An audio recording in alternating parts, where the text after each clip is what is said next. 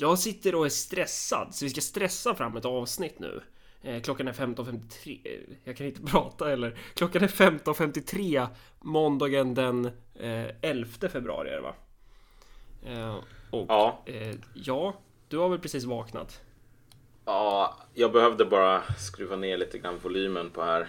Men alltså, jo visst, man har ju precis vaknat för man är ju dum i huvudet. Men vadå, skruva ner volymen på, då? på mobilen eller på datorn? Nej, på hörlurarna. Okej, ja. Så. Så. du fuckar inte Ja, med men- inspelningen nu så vi måste göra om allt sen. Nej då, nej då. Det, ja, det visar sig. Ja, hur som helst. Jo, vet du vad? Jag är ju seg som vanligt. Ja. Så är det ju. Eh, men eh, sitter här och funderar på eh, om typ World of Warcraft Vanilla kommer att vara skitdåligt eller bara dåligt. Liksom. Men de kommer att hitta på ett sätt att fucka upp allting. ja, men det, det tror För jag. det kommer väl ut ganska snart. Det kommer i sommar, säger de. Men eh, fan, ska vi dra igång? Eh, vi, vi- vi, ska, vi Ja. ska säga tack till folk som har swishat. Och nu när vi spelar in det här avsnittet så befinner vi oss i inspelande stund mellan det här avsnittet som jag döpte till Sexuell frigörelse och förfrämligande del 1 eh, och det avsnittet som kommer komma efter det som en del 2 och sen därefter kommer det komma en del 3. Eh, Så att vi får se när det här avsnittet släpps. Men det känns jävligt skönt att typ för första gången i Marcus och Malcolms historia ha en så pass... eh, Vi har verkligen en buffert här nu. I, Ja. tid. Så det, det här... Jo, men Det precis. här vill vi ju hålla i. Men under den här perioden sen sist vi inspelade i alla fall eh, så har vi fått... Eh, eller nej, det kanske vi inte har. Fan, jag är dum i huvudet Malcolm. Jag kollar ju bara de tre serierna. Ja, skitsamma. Jag ska tacka eh, tre personer som har swishat. Så får jag tacka de andra i nästa avsnitt sen. För jag gjorde fel nu. För jag, det var... Ja, jag var, nej men det, men stort tack till Mikael som har swishat tio gånger. Och särskilt stort tack till just den tionde swishen där. Mycket generöst. Tack, tack. Eh, tack Viktor också. Och Viktor undrar han undrar över boktips liknande teman som vår podcast och det känns ju som jävligt brett. Men om, om du lyssnar på en massa avsnitt så borde vi ju kunna ha tipsat om någon bok där i alla fall. Jag tror att ja. jag kommer på... Jag kan tipsa om... Eh, jag tycker att alltså, Giovanni Arrigis världssystemanalysen är bra. Jag ska försöka läsa igenom den. Annars kan jag tipsa om typ allting som Immanuel Wallerstein har skrivit. Wallersteiner. Han tycker det är jävligt bra. Ja. Sen om du vill vara, hålla på och mima så typ Zizeks senaste böcker. Eh, och du har ju tipsat om Pursuit of the Millennium också. Ja, den är verkligen skitbra. Och sen finns det en annan bok som handlar om ja, men just revolutionärer som heter Fire in the Minds of Men. Som är riktigt bra också. Så nu fick du ändå lite boktips. Ja, det är bra. Eh, jag, jag har inget boktips. Jag, jag kommer här som Aron Etzler och säger läs Political Brain. Det... Läs Trondheimsmodellen. Men... Reinfeldts effekten. Ja, ja, just det. Eh, och så ska vi säga tack till Arvid också. Och så. Och sen ska jag försöka fånga upp de här nu som jag inte så aktivt. Fan, det här kommer ju bli projekt känner jag. Desto mer folk swishar, desto svettigare kommer jag sitta här och liksom famla när vi ska tacka de här personerna. Men, men eh, bra. Då går vi in på ämnet. Vad, Ja, vad är det och så här, ämnet började väl när vi satt och snackade om typ influencers. Ja, för grejen är ju den att du var ju i Örebro. Vi, vi träffades ju för första gången nu på, vad, vad blir det? Två år och två månader. Är det korrekt? Ja. 2016, 2017.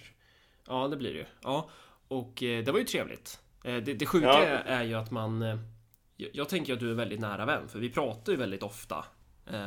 Det, det känns ju som att vi liksom... Det känns som att man träffar det ganska ofta för att vi pratar så mycket. Eh, Mm. Men eh, det, gör vi ju inte, vilket ju är sjukt. Nej, nej, alltså det var ju... Det, men det är väl lite grann så här, no homo. Men det är väl ett tecken på ganska bra vänskap om man nu kan inte träffa varandra på två år och så känns det som att, ja men, du vet, man, man plockar upp där man började eller slutade Ja, ungefär. ja, det- Så att, att det, det inte varit något större avbrott. Men när du var här i alla fall så eh, vad tänkte jag? Eh, ja, vi borde ju ha ställt ner en mikrofon bara på bordet så hade vi haft en Ja. sex stycken avsnitt av det. Eh, Ja, men det, vi satt där och så drack vi Guinness och åt kebabpizza och så började vi prata om det här med influencers faktiskt. Och just att alltså, det, är en, det är ett stort fenomen som jag tycker att Alltså det smög ju på våran samtid lite grann. Att de skulle bli så stora. Men det är ju få som egentligen har diskuterat det här på något sorts systematiskt sätt. Eh, Jan Guillou skrev ju någon artikel i Aftonbladet nyligen som någon så här svar på den här listan av 83 influencers som sa att vi måste införa diktatur. Och han bara eh, Jag är en gammal boomer så jag, vet, jag var tvungen att kolla upp vad influencers var. Alltså, och det där är ju ganska vanligt att, att Okej, okay, nu är det en jättestor grej. Men, vad, vad, men, om man ska definiera, vad är en influencer då? Uh, alltså, ja, de, alltså... de flesta vet ju typ på ett hum att det är någon person som står och pratar på Youtube och så klipper man eh, fem gånger i sekunden och sen så typ eh, det är väl också någon form av influencers. Började inte det i någon, någon sånt typ? Man skulle ha åsikter om saker och ting. Typ Clara Henry är väl en influencer? Men, sen, ja. Men, men nu är alltså... väl influencers typ personer som åker runt och de, de, de blir sponsrade av reseföretag ja. typ. Alltså man kan väl dela upp influencers egentligen i en bred definition, väldigt bred och sen liksom en lite smalare. I den här absolut bredaste definitionen då är ju Argblatte talare en influencer eller Henrik Jönsson för de har så här Youtube-kanaler och så liksom påverkar de folk. Då är vi också influencers liksom. då. Ja, precis. Men alltså den definitionen tycker jag är mindre intressant än den här lite smalare, vilket är människor som kallar sig själva influencers också. Vilket är Alltså det är personer och det är framförallt på Instagram eller på bloggar som precis som du sa, de får massor med sponsring och så kör de någon sån här livsreportage om sig själva kontinuerligt. Så, här. så det är alltid bilder på, men här var jag på Ibiza och kolla här blev jag nerbjuden till Rivieran, bla bla bla, liksom. allt det där. Um, alltså om du tänker dig vad någon tidning som Allt om mat är som är alltså recept fast alltså det ska ju se coolare ut än i verkligheten. Det här är det fast utan recept och istället för att laga mat så är det liksom bara ja, men leva ett glamoröst liv. Mm. Det... Um, ja. Det... Och det där är alltså det där är väldigt intressant för att alltså, den elefanten i rummet här är ju att influencers i den smala bemärkelsen mm. är ju ett extremt utpräglat kvinnligt fenomen. Mm. Ja, det är väldigt få eh, manliga influencers som just gör den här grejen att, eh, att sälja livsstil på det sättet va? Ja, är... nej men det där är ju... Du hade något resonemang där. Ja, nej, jag, jag, bara tänker att det är inte så många manliga influencers som, som just säljer den här livsstilen, utan det är ju primärt kvinnor. Eh, och jag vet inte hur publiken ser ut, men jag kan, jag kan killgissa att det är primärt kvinnor som följer de här influencerna eh, mest också. Ja, jo exakt. Och det där är ju någonting som, jag menar om man nu ska hålla på mellan tummen och pekfingret. Om du tänker dig Facebook för en fem år sedan mm. eller någonting. Det var ju jättemycket mer, du vet, åt det hållet. Massor med jättemycket selfies och liknande. Nu har ju det där försvunnit, så nu är det mest sura gummor som håller på och klagar om över så här, låga pensionsnivåer och att alltså, man inte får säga negerboll. Och den, den gruppen som verkligen håller på och liksom berättar de här överdrivna historierna om sina egna liv har, alltså med vissa undantag så har de ju dragit vidare till andra sociala medier. Och då är ju Instagram den stora. Och Instagram, återigen utan några siffror alls, men det skulle inte förvåna mig om det var en väldigt stor alltså kvinnlig övervikt där. Um, och vi, vi, men, vi snackar ju lite om det här. Ja. Um, och det, det vi har vi har ju en tes kring det här vad det handlar om. Liksom. Ja. Att det här, det, det, här är ju ett, ett stickprov på en ideologi eh, där både mannen och kvinnan kan anses vara imperfekta på något sätt. Men där mannen ja. idag kanske betraktas mer som imperfekt i sig själv.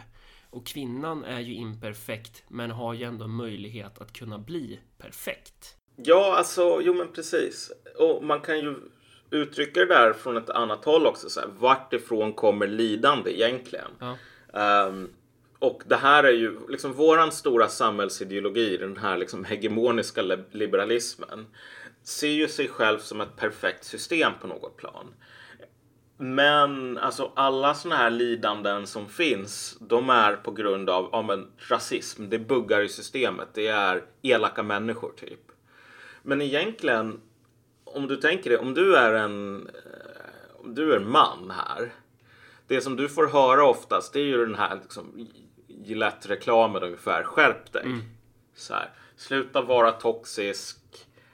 Ehm, du vet, sluta hålla på och vara liksom ömtålig. Klaga inte, styr upp dig själv liksom. Det är Ja, så här, bollen är hos dig. Eh, Har, Ja. har du ett problem får du fixa det själv. Det är inte mitt jobb att utbilda dig, Nej. det är inte mitt jobb att hjälpa dig, bla bla bla sådär. Men om du, är en, om du är en av de här grupperna som det är synd om och kvinnor är en sån grupp, rasifierade är en så- sån grupp, liksom så här. ehm, Då är det så att vad det här samhället lovar dig är någonting annat. Det är så här, alla lidanden som du bär på, vilket är ganska många på grund av att vi, vet, vi är människor och lidande är lite grann det, det, det är en del av dealen på ett plan. Men alla de sakerna kommer att lösas när vi bara har besegrat patriarkatet, liksom, besegrat rasismen, vad det nu kan vara. Alltså tagit bort alla buggarna i The Matrix. Ehm, så om du säger, vet du vad, jag vill lägga mig ner och bara skrika över hur frustrerad jag är. Då kommer folk att bara säga, ja, jo, men jag förstår dig. Det är bara, håll ut. Så här. Håll ut, för förr eller senare så kommer allting att bli bra. Ingen kommer att säga, vet du vad, folk som lägger sig ner och skriker och sparkar på marken, eh, de är patetiska.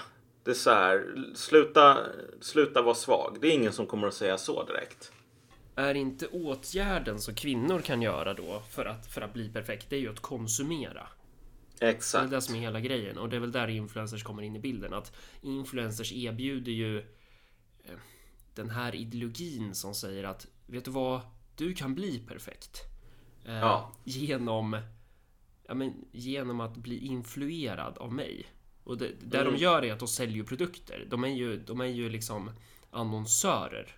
Ja, men de är ju annonsörer på ett sånt smart sätt. Alltså, därför att jag menar, det är, ju, det är ju ett faktum. Vi har typ inte män som sitter och kollar åtta timmar om dagen på TV-shop.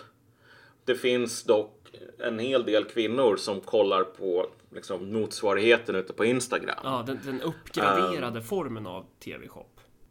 Ja, jo men exakt. Men om, om folk verkligen bara sa, ja ah, men shit, jag har inte nog med reklam i livet, jag måste sitta och kolla på reklam.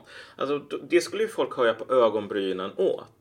Men det här, den här sortens reklam funkar så jävla bra just för att den kom med den här, alltså det är som en sån här, um, du vet, eh, sånt här medicinskt piller med liksom någon sorts överdragning. Alltså att överdragning här, det här höljet, hinnan, är alltså självförverkligande. Att, att man säger att, jo men vet du vad, kolla. Den här resan till XYZ plus liksom konsumerandet av det här fusions, japanska fusionsköket är någonting som verkligen kommer att göra dig fri i dig själv. Man kommer ju bli mer Um. lycklig om man har det där vita fräscha köket också. Eller vad det nu Ja men vara. exakt. Ja men precis. Men, men, men det är inte ens, alltså det, det är smartare än bara att man lovar mer lycka. Ja. För jag menar, alltså det är ju någonting som, du vet, alltså så funkar ju reklam till män också. Det är bara köp en ny jävla Alienware-dator för 45 000 och du kommer att må så jävla bra när du kan spela Total War 2 med så här 90 FPS. Ja. Um, och jag menar, jag har ju köpt en ny dator för liksom ett år sedan eller någonting och det var fan ganska nice med högre upplösning och bättre framerate så här. Um, så det där funkar, men alltså vad de inte sålde, det var ju det här när du sitter där och spelar Total War 2 med liksom 90 FPS. Du kommer att vara fri. Du kommer att vara komplett i dig själv. Alltså den sortens att du måste gå på någon sorts upptäcktsresa in i ditt inre och hitta meningen med livet. Och det kan du bara göra genom konsumtion. Alltså det, alltså det budskapet finns inte riktigt på samma sätt till män. Och jag skulle nog säga att det har att göra med att ta den här senaste Gillette-reklamen. Ja. Alltså som det blev så jävla mycket hula baloo om. manlighet, om du, om du tänker dig att du ska göra någon sorts upptäcktsresa in i dig själv som man. Vi lever i ett samhälle där den officiella ideologin mer eller mindre säger att alltså, det här är inte en bra idé därför att du kommer bara hitta massor med problematiska toxiska saker. Så att idén om att det ska komma någon sorts befrielse inifrån för typ vita cismän, det är ingenting som säljs. Vita cismän är snarare ett problem där liksom tricket ligger att tygla alltså den här hemska potentialen som är inneboende. Och det här leder till att Alltså kolla, det, det, finns egentligen någon sorts motsvarighet till sådana här influencers nu när jag tänker på saker. Och det är liksom så här, egentligen någon som The Golden One. Han kommer lite nära hur det här funkar. Eller typ Bronze Age Pervert. Um, alltså det finns en liten, liten subkultur av så här män som håller på, men då håller man på att posta bilder på så här bodybuilding. Jordan, kan, kan Jordan B. Peterson betecknas som en, en på gränslandet till en influencer för, man, för, för män? Ja, lite, lite grann. Man, men jag skulle nog säga att... Men då är man ju inne på det här hjälp till självhjälp grejen typ. Ja. Det är väl det som gör men jag att man tangerar det.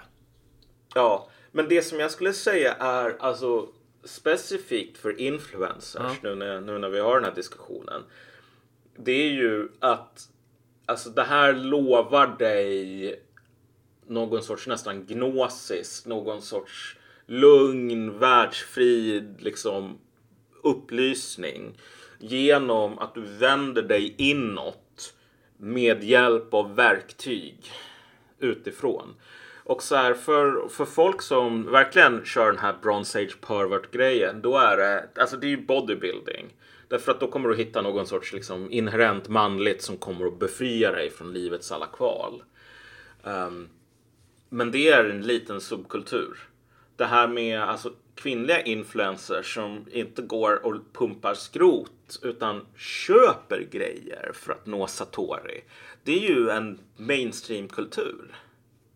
Och det här, ja som sagt, alltså det, det är viktigt att tänka att liksom, det finns antagligen ganska ideologiska anledningar till att det ser ut så här. Att, alltså, I den officiella ideologin så har män och kvinnor lite olika värden, lite olika funktioner. Och man kan ju se det där. Det finns ju lite olika exempel man kan prata om, men en grej jag tänker på är ju hur det kommer påverka politiskt beteende. Så här, om, om ideologin är att män är imperfekta i sig själv och lösningen är ju att ta tag i sig själv. Då borde ju det här typ stimulera män som är befläckade av den ideologin till att organisera sig politiskt i partier som man förknippar Eh, är av just den karaktären. Att det är liksom ja. praktiskt orienterad politisk, politisk organisering. Eh, Medan kvinnor borde ju då dra sig mer mot eh, organisationen som kanske mer håller på med någon form av identitetspolitik kanske. Jo men exakt. det här, men här, det här har ju... det här är ju väldigt så här, tänka högt nu. Det, jag har ju ingen aning om det kan vara så, men det är bara en spaning vi kastar ut här. Uh... Jo men och det där är ju någonting som man ser och folk erkänner ju det på något plan. Om du tänker dig så här. Ibland så går ju folk så långt och säger att nej, men vi borde bara ha kvinnlig rösträtt därför att kvinnor är alltså inherent spirituellt, vet, mer förstående, smartare och så vidare. Så att man försöker göra det till en sådan berättelse alltså om, om, om transcendentala värden som typ kvinnor har som inte män har. Jag har sett massor med exempel på det i relation till SD till exempel. Och, och åt andra hållet så kan man ju säga att om en SD är unikt dåliga därför att så här, om det är bara massor med män som röstar på dem, vilket visar att de, de har något sånt där ondska, aggressivitet liksom som sitter i själen. Och just det där vet man ju inte. Alltså. Eh, min spaning av SD är väl att det är fler män som är organiserade i SD. Men jag tror att det där börjar ja. jämna ut sig i alla fall hur många som sympatiserar med SD. Att jag tror att ja. det börjar komma upp i någon jämnare fördelning. Jag kanske har jättefel, men det är min, det är min gissning på det. Ja, de har ju blivit bättre på det där, men det följer ju ganska gammalt mönster att om du tänker dig nya politiska trender så brukar män vara på liksom först. Mm. På grund av på aggregerad nivå högre risktagande. Men det där borde ju påverkas av ideologin. Det där borde ju påverkas Ja. av en ideologi som säger att män i sig själva är imperfekta och det enda sättet att ens hantera sin imperfektion är ju att bara ta tag i sig själv. För man kan ändå inte bli perfekt typ.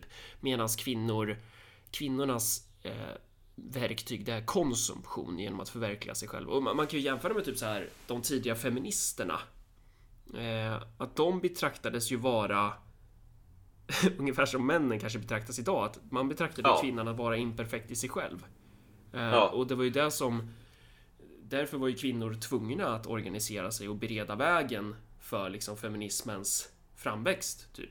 Eh, intressant också att de flesta av de här influenserna som säljer den här... Vad ska man säga? Vägen till perfektion. Alla, de allra flesta av dem säger att de är feminister. Jo, men exakt. Jo, och, och, och det är inte en slump. Men jag kommer att tänka på så här för att verkligen göra det tydligt med vad vi menar med det här imperfektion och så vidare. Det finns ett gammalt citat som jag inte har exakt i huvudet, men jag har andemeningen från alltså Stokely Carmichael som var en av de här figurerna, mer radikala sådana i, i liksom amerikanska civil rights-eran. Och han sa någonting i stil med liksom, before uh, liksom, the negro can be free we have to dispense with the fallacious notion that one man can give another man his freedom. Och vad han ville säga var så här att alltså, så länge som svarta i USA är fast i det här att alltså, vita måste ge dem frihet så kommer de aldrig att få det därför att frihet är någonting som man måste ta. Jag måste säga jag tänker leva på det här sättet, jag tänker ha de här rättigheterna och du kan försöka stoppa mig och då kan vi slåss. Men så här, liksom, det här är inte förhandlingsbart. Därför att om du sitter och bara gråter över hur du blir slagen av batonger då kommer aldrig den energin att finnas för att ändra på det där. Och det är lite samma sak att alltså om du tänker dig, män får bakvägen höra, inte direkt Stokely Carmichael så här, var stark, bli fri, men de kommer att säga vi kommer aldrig att hjälpa dig. Det är vad folk säger. Sluta klaga, sluta gråt, sluta vara en fragile male. Det är inte mitt jobb att utbilda dig. Det är inte mitt jobb att hjälpa dig. Det finns värre problem. Skärp dig. Alltså, medans på ett plan så hela liksom feministiska diskursen idag mer eller mindre i mainstream måste jag tillägga. Därför att alltså, det finns ju folk som håller den gamla fanan högt fortfarande. Men om du tänker dig feminism på nivån av influencers på Instagram. Då är det verkligen så här, alltså en dag så ska vi tvinga liksom, eller ska vi övertyga eller gråta tillräckligt mycket för att patriarkatet ska ge kvinnor liksom lika rättigheter. Alltså det finns den här tron på att om man är ett fint nog, alltså om man har, om det är synd nog om en. Då kommer förr eller senare man får någon sorts belöning för det, för liksom God loves the meek. Och det gör ju att återigen, du, du känner ju mycket mer investering i ett politiskt ideologiskt system. Om det här systemet säger att alltså, det enda du behöver göra det är att vara dig själv och så liksom good things will come to you. Än ett system som säger om du är missnöjd, vi tänker inte göra ett piss för att hjälpa dig. Det är ditt eget ansvar. Um... Ja, kvinnor har ju verkligen blivit i den här sentida kapitalismen en ny, ett nytt område. Ganska så här. Eller man, man, det har fått en ny... Hur ska man uttrycka det? Eh, Det finns ju en, en, nyvunn, alltså en ny potential i kvinnan i, i dagens kapitalism på något sätt. ja, Att, att alltså och- alltså, maxa möjligheten hos eh, i, i kvinnors konsumtion någonstans. Att, att, att, att, för, för, att, för att det är ju lättare att, att försöka kräma ur mer kapital ur kvinnor i en ideologi som säger att de kan konsumera sig till perfektion än vad det är att krama ur dem ur männen då kanske. Ja, exakt. Och jag menar här, det här är ju en av de sakerna som vi satt och snackade lite sent på kvällen, men, men som verkligen är att tänka högt. Men om du tänker dig så här, storleken på kycklingar idag. Kycklingar idag, så, sådana som du går till affären och köper kycklingfiléer från, är ju typ mutanter. Ehm, extremt så här överviktiga, Liksom, så att alltså, de skulle aldrig klara sig ute i naturen därför att de är för stora. Um, och det är ju någonting som har hänt, inte som en slump, utan man har avlat fram dem. De ska vara bra på att producera kött. Och då har man ju avlat fram dem fysiskt. Men jag börjar fundera på, alltså när vi ser de här totalt överviktiga, framtunga kycklingarna som bara vaggar fram för att de ska bli slaktade. Om inte typ den moderna kapitalistiska ideologin ser på kvinnor ungefär som de där jävla kycklingarna. Mm. Liksom att här har vi ett jävla område vi kan hålla på att maximera potentialen i. Och den enda potentialen man bryr sig om det är ju möjligheten att vara en konsument. Ja, för att det här med kycklingarna. om man ska ta så här eldorado kycklingfiléer eller vad det nu är. Ja. Alltså de här som kommer från de här mutantkycklingarna. Det är ju de perfekta kycklingarna i ett kapitalistiskt system. Eller i ett system Exakt. där det gäller att maximera eh, produktiviteten eller profiten så att säga. Eh, så att givetvis borde ju den perfekta människan också vara en människa som är kapabel att konsumera till maximum. Exakt, och det där är det som... Det, det intressanta här är varför, varför jag tror att, att... Nu har jag inga belägg för det här så, men jag tycker att det här är en teori som är värd att utforska lite grann därför att de materiella betingelserna finns ändå där. Ehm, det, det vore inte helt irrationellt för liksom, det kapitalistiska systemet att så att säga säga att män är problematiska i någon mån. Därför att alltså, ju, i termer av investerade reklampengar per krona som vi får ut så är de mindre e-, effektiva. De är också mindre effektiva i termer av alltså, hur mycket andel av sina, liksom, sin lön som de lägger på alltså konsumtion. Eh, kvinnor är konsumtionsdrivande först när de är singlar. Men sen även i relationer så tar kvinnor, så vitt jag vet, alltså majoriteten av beslut av liksom inköp av um, ja, men konsumtionsvaror. Mm. Um, ja, men det, det, betraktas väl till och med som ett Alltså typ så inredning och sånt där betraktas väl som ett kvinnligt område mer eller mindre. Ja, exakt, exakt. Du vet, alltså det är inredning, liksom gardiner, lakan, whatever. Massor med sådana saker som även om det nu är en man och en kvinna i relationen så är liksom alla tycker ju, även i våran befriade tid, att jo men självklart är det kvinnan som ska hålla i plånboken och bestämma vad man ska köpa och vad man inte ska köpa. Liksom. Det här är hennes grej. Och handlar det om att man ska köpa in verktyg eller bilar så är väl det fortfarande ett, ett eh, område där man primärt vänder sig till målgruppen män då.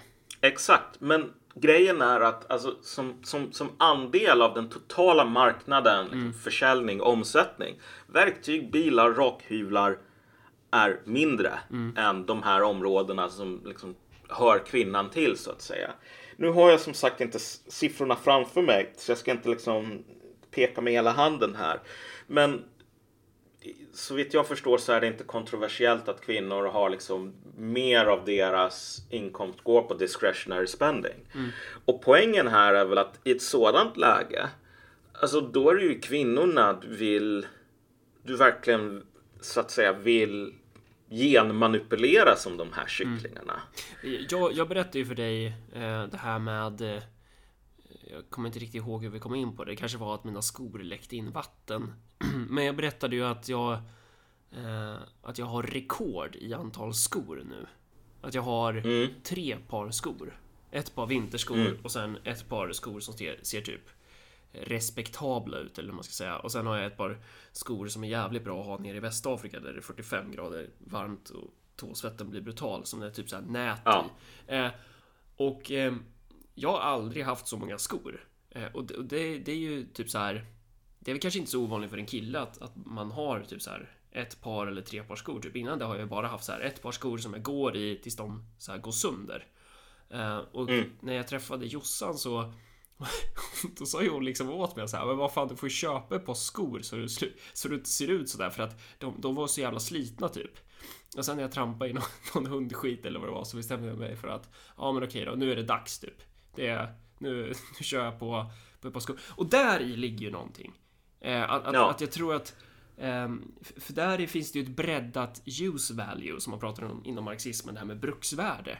Att, att, att det finns man tillför en till aspekt av bruksvärdet som inte bara är att skor använder man för att gå i, skor använder man för, för att skydda fötterna, utan skor Ja. är också status. Det är klart som fan att, att män konsumerar för att öka sin status, men, men eh, det, det känns som att just den variabeln är att det, att det finns en övervikt åt kvinnligt håll där kanske.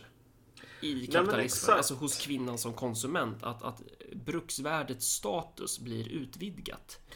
Och det är här vi kommer tillbaks till de här eldorado-kycklingarna. Därför att om du, om du, nu finns det ju inte en sån person liksom, om man nu inte tror på typ SOG. Men om du vore den här liksom tilltänkta personen som satt och kontrollerade kapitalismen. Det som du skulle vilja göra för att maximera liksom, effektiviteten i den.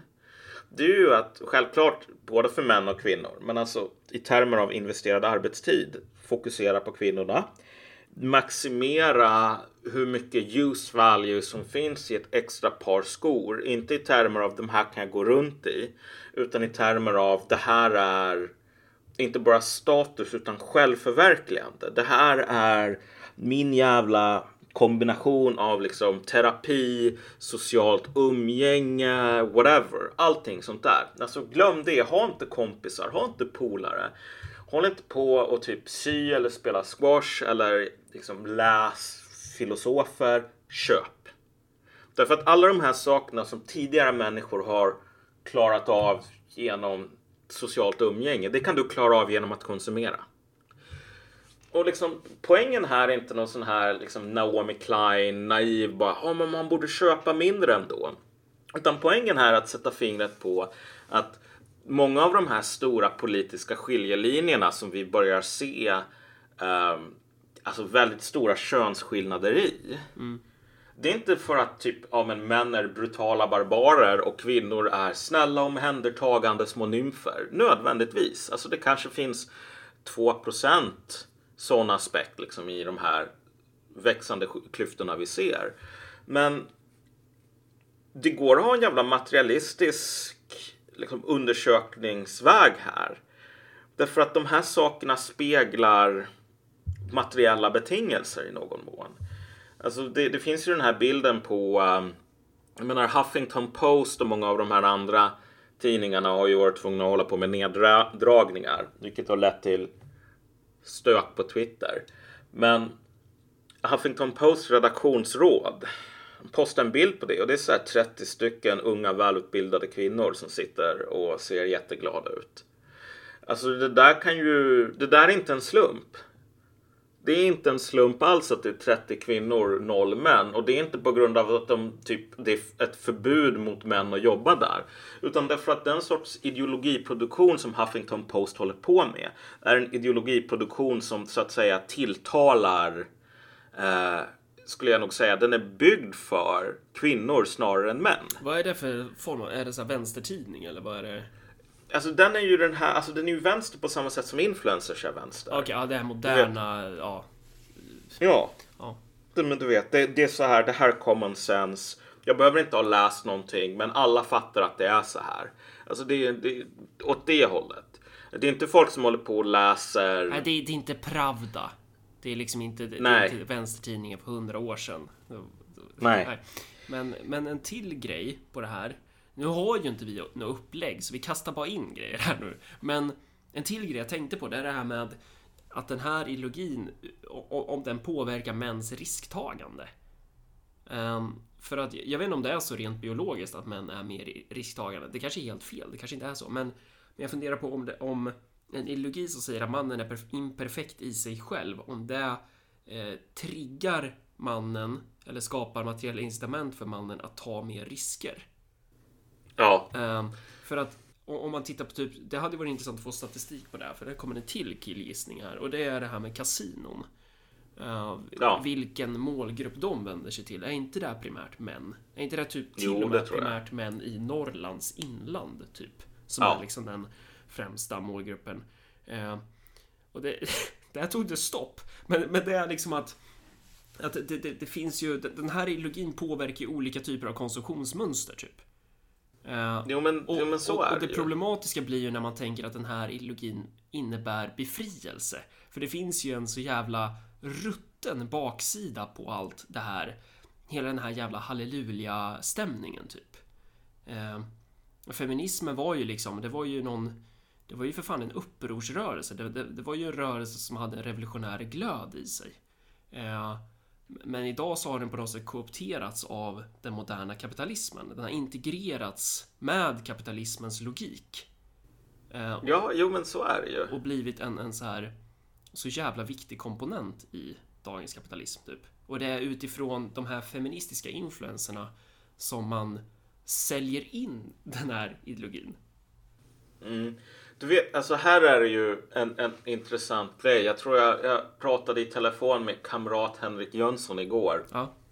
Um, och han nämnde att, och det här är, jag har ju fått liknande um, liksom signaler från andra håll, men han sa att i, om du tänker i reklambranschen så är det ett växande problem att ja, men de som kommer in, det är framförallt unga välutbildade kvinnor som säger att ja, men vet du vad, vi ska göra en tandkrämsreklam som handlar om så här Greta Thunberg rädda världen och så är det någon som frågar kan vi tjäna pengar på det? Och så bara, nej men alltså det behöver man inte hålla på och räkna på. Det här är viktigt. Så att alltså det är människor som verkligen tror på någonting. Mm. Om du tänker dig, ta Mad Men, den filmen, som, eller den serien. Du vet när de sitter där och är så här överdrivet cyniska. Hur ska vi få de här mammorna att röka mer gula Blend? Så här, ja men vi gör det här och det här. Sitter man som är alltså, livströtta, cyniska unga män och håller på och bara konspirerar. Alltså den världen är borta. Och det roliga här är ju att ingen vet riktigt hur det här hände. Typ alla blev true believers.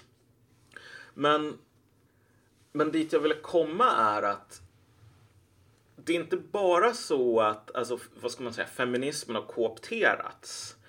Utan vad vi har är någonting ännu mer fascinerande, vilket är att alltså, till förfång för effektiviteten i, i, i kapitalismen så har du ju folk som verkligen tror på ideologin som ibland sitter vid spakarna. Mm.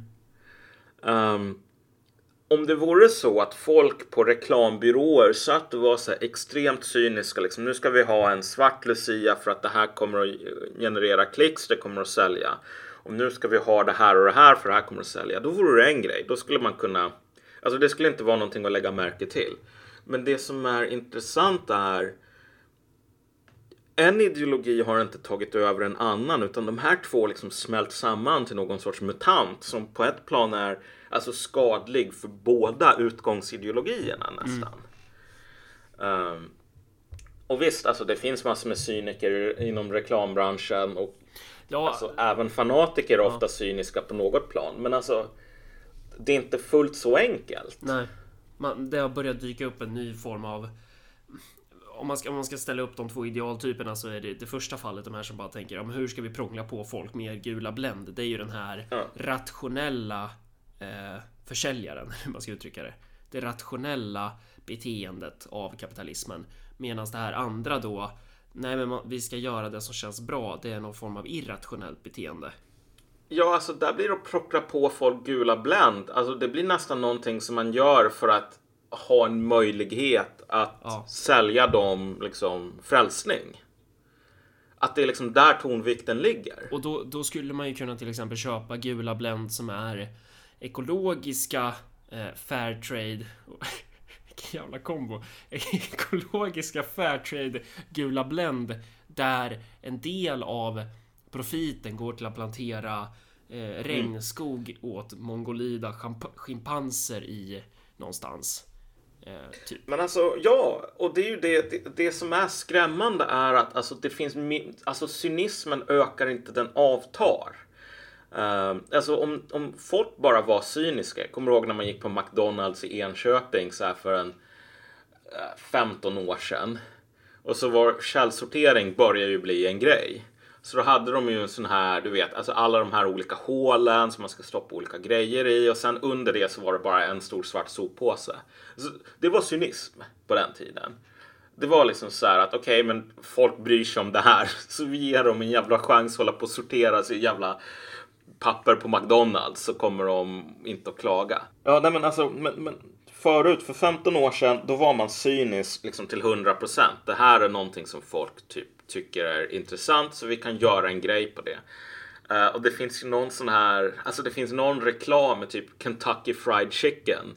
Där det sitter någon sån här fet snubbe och bara uh, min fruga säger att du ska äta hälsosamt. Och så kommer frugan hem med så här extra stor förpackning Kentucky Fried Chicken och bara Darling, you know that eating healthily it starts now. Liksom. För, för så här, hälsosam mat, det var inne och då ska man kalla Kentucky Fried Chicken det därför att det är liksom inne. Och ingen köpte det. Folk fattar ju vilken cynisk ploj det var.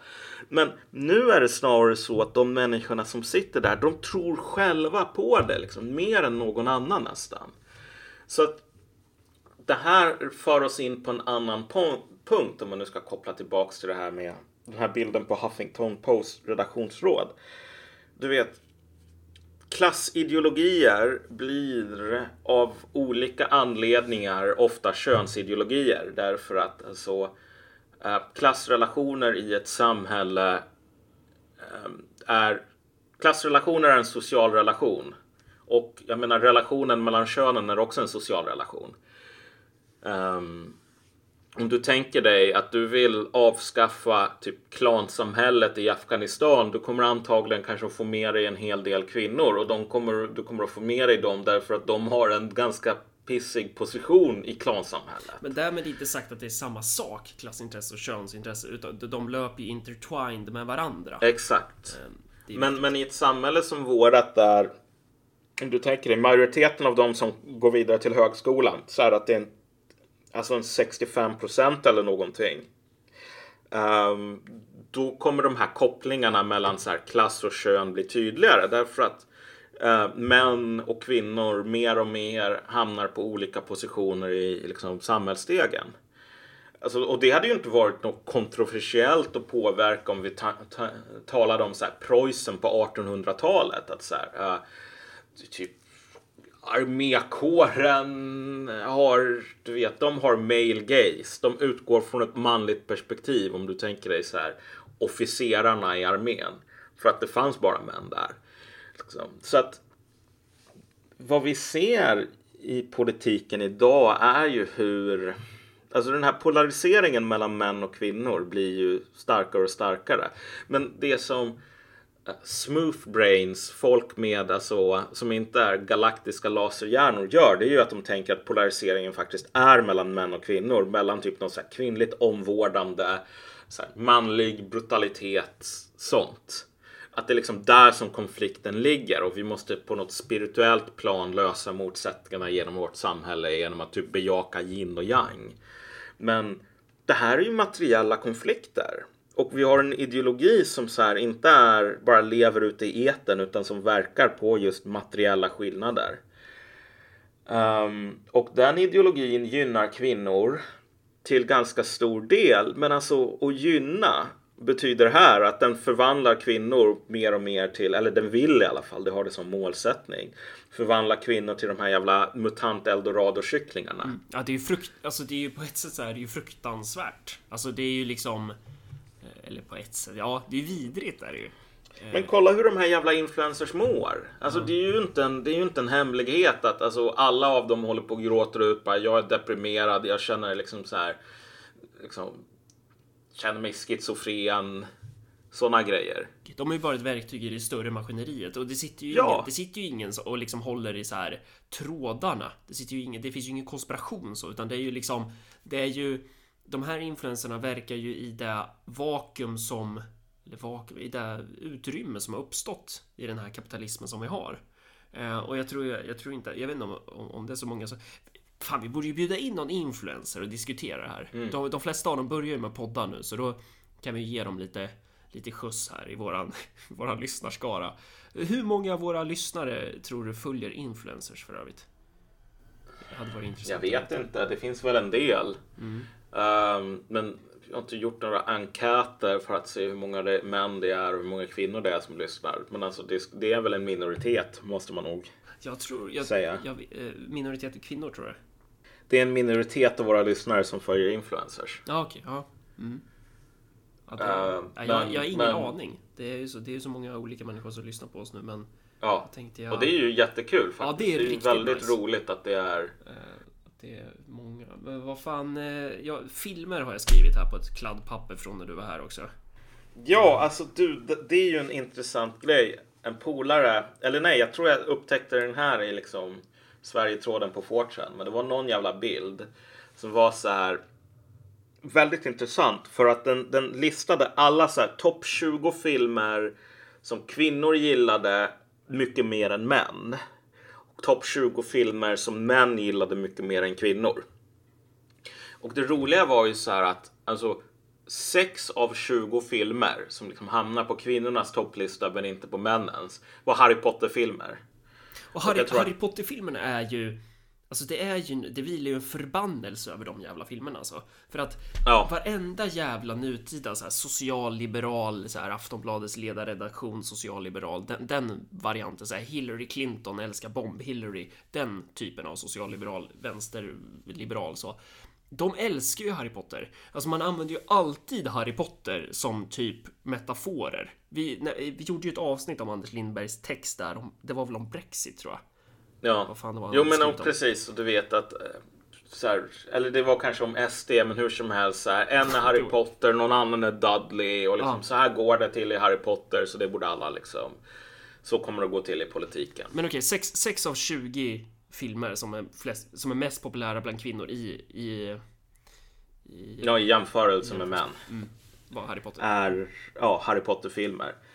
Eh, och det roliga är att två, två stycken av de här filmerna som liksom kvinnor ville sätta på topplistan som män inte ville sätta på topplistan var gjorda efter år 2000. Och jag tror att det var två filmer bland män där liksom motsvarigheten åt andra hållet som var gjorda efter 2000. Ja, Ja, männen gillar att- ju liksom 3 av 20 har jag skrivit från, från eh, Ja, där du sa då i okej. alla fall. Men det är skitsamma. Det är en väldigt liten del var gjorda efter 20- 2000 på männens topplista. Exakt. Och då kan man ju säga så här att jo, men de, män, de, de, de filmerna som liksom männen eh, skattade väldigt högt. Det var så här Sju samurajerna, Das Boot, liksom saker som eh, erkänt är alltså stora klassiker.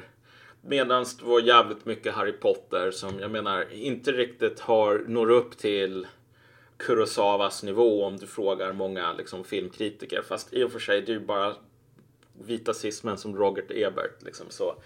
Men min poäng är bara så här att det finns två sätt att tolka, på det här, tolka det här på. Som en polare sa lite skämtsamt som, till mig att här har vi objektivt bevis på att kvinnor är sämre än män. Um, och så kan man tolka det.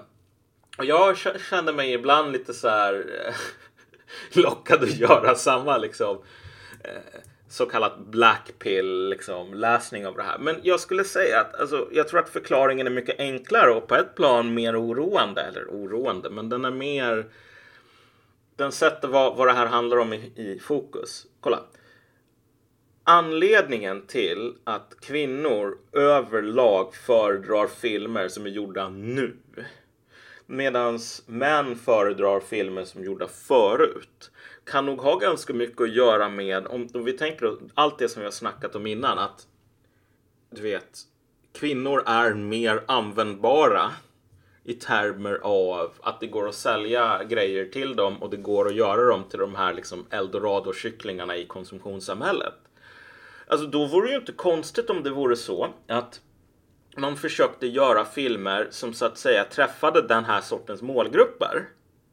Och om man gjorde filmer designade för att träffa den här sortens målgrupper är det så himla konstigt om den sortens målgrupper kollar på det medan de som är utanför inte gör det. Alltså, det vore ju inte omöjligt att föreställa sig en filmindustri som, om vi säger att den, du vet, den behövde inte tjäna pengar, den var bara helt inställd på att göra filmer som typ män skulle gilla. Mm. Alltså vore det verkligen omöjligt för den att på 18 år få massor med filmer som skulle hamna på topplistan över filmer som män gillar att kolla på? Jag tror inte det alls. Nej. Men det är inte så som... Jag skulle nog säga att den officiella ideologin så har inte den prioriteringen. Frozen är väl en av de där filmerna också? Ja, precis. Men, men eh, inte det en barnfilm? Jo, det är det. Ja. Vad, hur gamla var de här kvinnorna? Vet vi det? Jag menar Harry Potter, Frozen. Nej, det, det vet jag faktiskt inte. Det, det, det ingick vi- inte. Det är nu vi sitter och pratar om typ så här en någon, någon undersökning som är gjord för typ så här sjuåringar typ. Men, men vi, Ja, fast alltså om det, om det är så här sjuåriga killar som bara Nej fy fan, jag gillar verkligen de sju samurajerna och liksom Yojimbo. Det, det, det, det är bra grejer. Och så här typ sexåriga eh, Pontus bara "Ah, Vi måste kolla på Das Boot igen pappa. Alltså det vore ju fan roligt om det vore så. Men nej, jag tror att det här är liksom, du vet, vuxna. men då är tesen Unga. att, att tesen är att liksom filmindustrin har adopterat, eller hur ska man säga, film, filmindustrin har hur medvetet tror du det är att man, att man riktar sig till den här typen av grupper då? Eh, Jag tror inte att det är supermedvetet. Jag tror att det här är någonting som sitter i luften lite grann. Alltså varför är alla influencers feminister? Jo, för att det sitter i luften. Ja. Det är ju inte många av dem som bara, ja men nu har jag läst ehm, liksom den här stora biblioteket av olika teorier och nu kommer jag på att alltså jag är den här och så liksom tar de någon sån här typ cyborg-feminist från 40-talet. Alltså det är ju inte så, utan man kommer fram till det här för att alltså, du vet, alla tycker ju så här och det här är ju, ja men det här är ju, hur annars skulle man tycka? Och jag tror att alltså, Dagens feminism är ju lite som typ så här. Hur ska man uttrycka det? SVT-punk, typ. Tänk- tänk- Alltså, när punken kom var ju den rebellisk. Men idag Ja. så skulle ju typ ett punkband skulle kunna uppträda i, i Skavlan på SVT, typ. Det, det, det ju... ja, nej men exakt, jo det där är en väldigt bra poäng. Alltså det, det finns fortfarande den här svansföringen om att du vet, vi är liksom krossa patriarkatet Ja, men, ja, men och typ, vi nu, är nu har vi gjort liksom, en... Det här är en låt om hur, hur korkad Donald Trump är. Ja. Alltså, ja, men exakt. Man har självbilden att man är liksom underdog, punk, allting sådant. Men det är man ju inte alls. Nej. Och grejen är att med många av de här sakerna, alltså kunskapen eller vad man nu ska säga är ju lövtunn. Du kan pusha folk och bara men förklara hur du egentligen menar. Och så kan de inte svara därför att återigen det här är ja, det är det här är osmos Ja. som folk fångar upp det på. Liksom. Så att jag skulle säga att det, och det här är bara, det här är bara en teori mellan tummen och pekfinger. Så liksom inte så här, Malcolm säger att så här, Hollywood funkar så här. Men det vore ju inte undligt egentligen att i ett läge där i princip alla, inklusive så här Goldman Sachs, ska vara inkluderande. Eh, att även Hollywood mer och mer vänder sig åt det här hållet. Det tycker jag inte man behöver leta länge för att hitta exempel på. Ehm, och att det här är en ideologi som är jättetilltalande för inte för alla kvinnor. Det är inte som om det är samma som med kvinnor i typ Appalacherna som bara åh nice. Så här. "Uh, Det här älskar jag. Jag menar de röstar på Donald Trump därför att Donald Trump säger liksom USA håller på att ruttna bort från insidan. Liksom make America great igen. Um, men det är någonting som är tilltalande för ett segment av befolkningen i USA som bor i de stora kuststäderna San Francisco och New York. Framförallt unga välutbildade kvinnor, men en hel del unga välutbildade män också. Det här är liksom en klassideologi. Och sen att alltså klassen som den här klassideologin är till för består till största delen av kvinnor på grund av olika, alltså det finns väl massor med skäl som har att göra med utbildningssystemets utformning och så vidare. Men, men så här, det finns den här imbalansen i alla fall. Så, nu, nu är jag här. Ja, Det är jävla... Folk ringer hela tiden. Men ja, vad skulle du... Vi, vi får börja avsluta här. Men influencers Ja. är gurus. Ja, men precis. Influencers är gurus. Och det är typ... Det roliga med det här är ju att liksom, vi har ju hållit på och sagt i det här avsnittet ganska många gånger att ja, men det här är en klassideologi och liksom ideologierna behandlar män och kvinnor olika, allt det där. Men alltså en viktig poäng är att jag tror i alla fall inte, jag tror inte du gör det heller, att alltså kvinnorna är de riktiga vinnarna här. Nej, nej, verkligen. Alltså, Alltså ju... kvinnorna på ett plan är för, de stora förlorarna.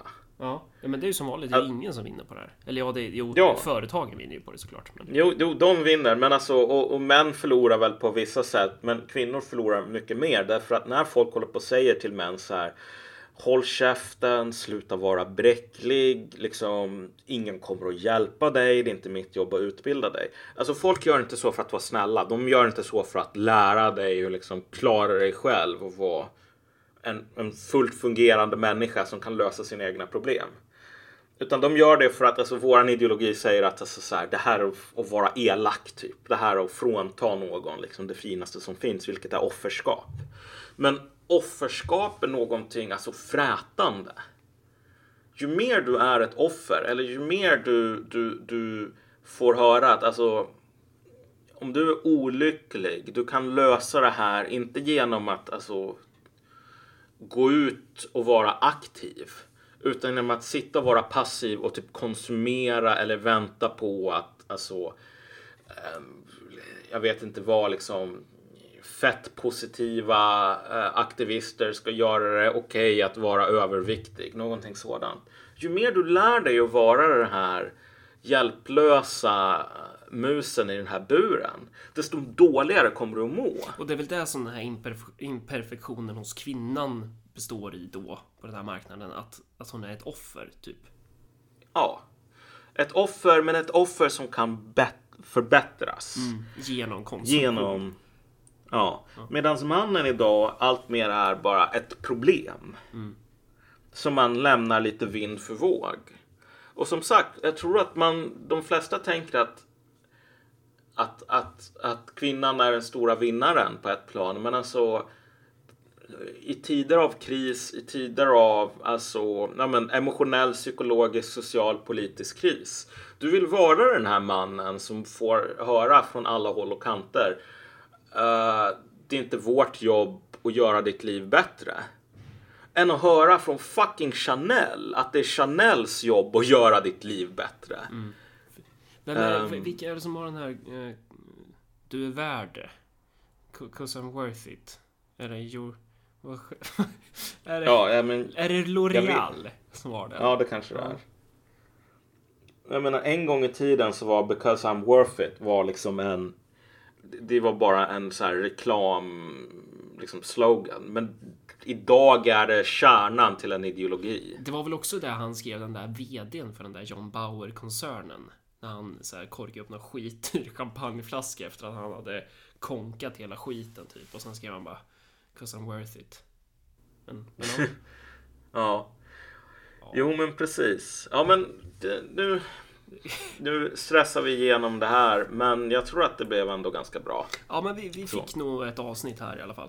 Eh, Ja, och, bra. Eh, då, ja, då skiter vi i det här nu då. Och sen så försöker vi spela in något mer snart så vi kan bygga upp Ja. en jävla arsenal av massa avsnitt. Ja, ha det bra precis. allihopa. Och, om man vill så kan man swisha. Jag kommer inte ihåg numret, men det finns någonstans. Ja, så kommer det. vi att läsa upp ditt namn sen. Jag kan säga numret. Det är 0790 10 72 23 om man vill swisha en gåva. Ja. ja. Eh, På återseende hur som. ja, ha det bra allihopa. Hej då. Hej då. Ja. Nu vinkade jag också.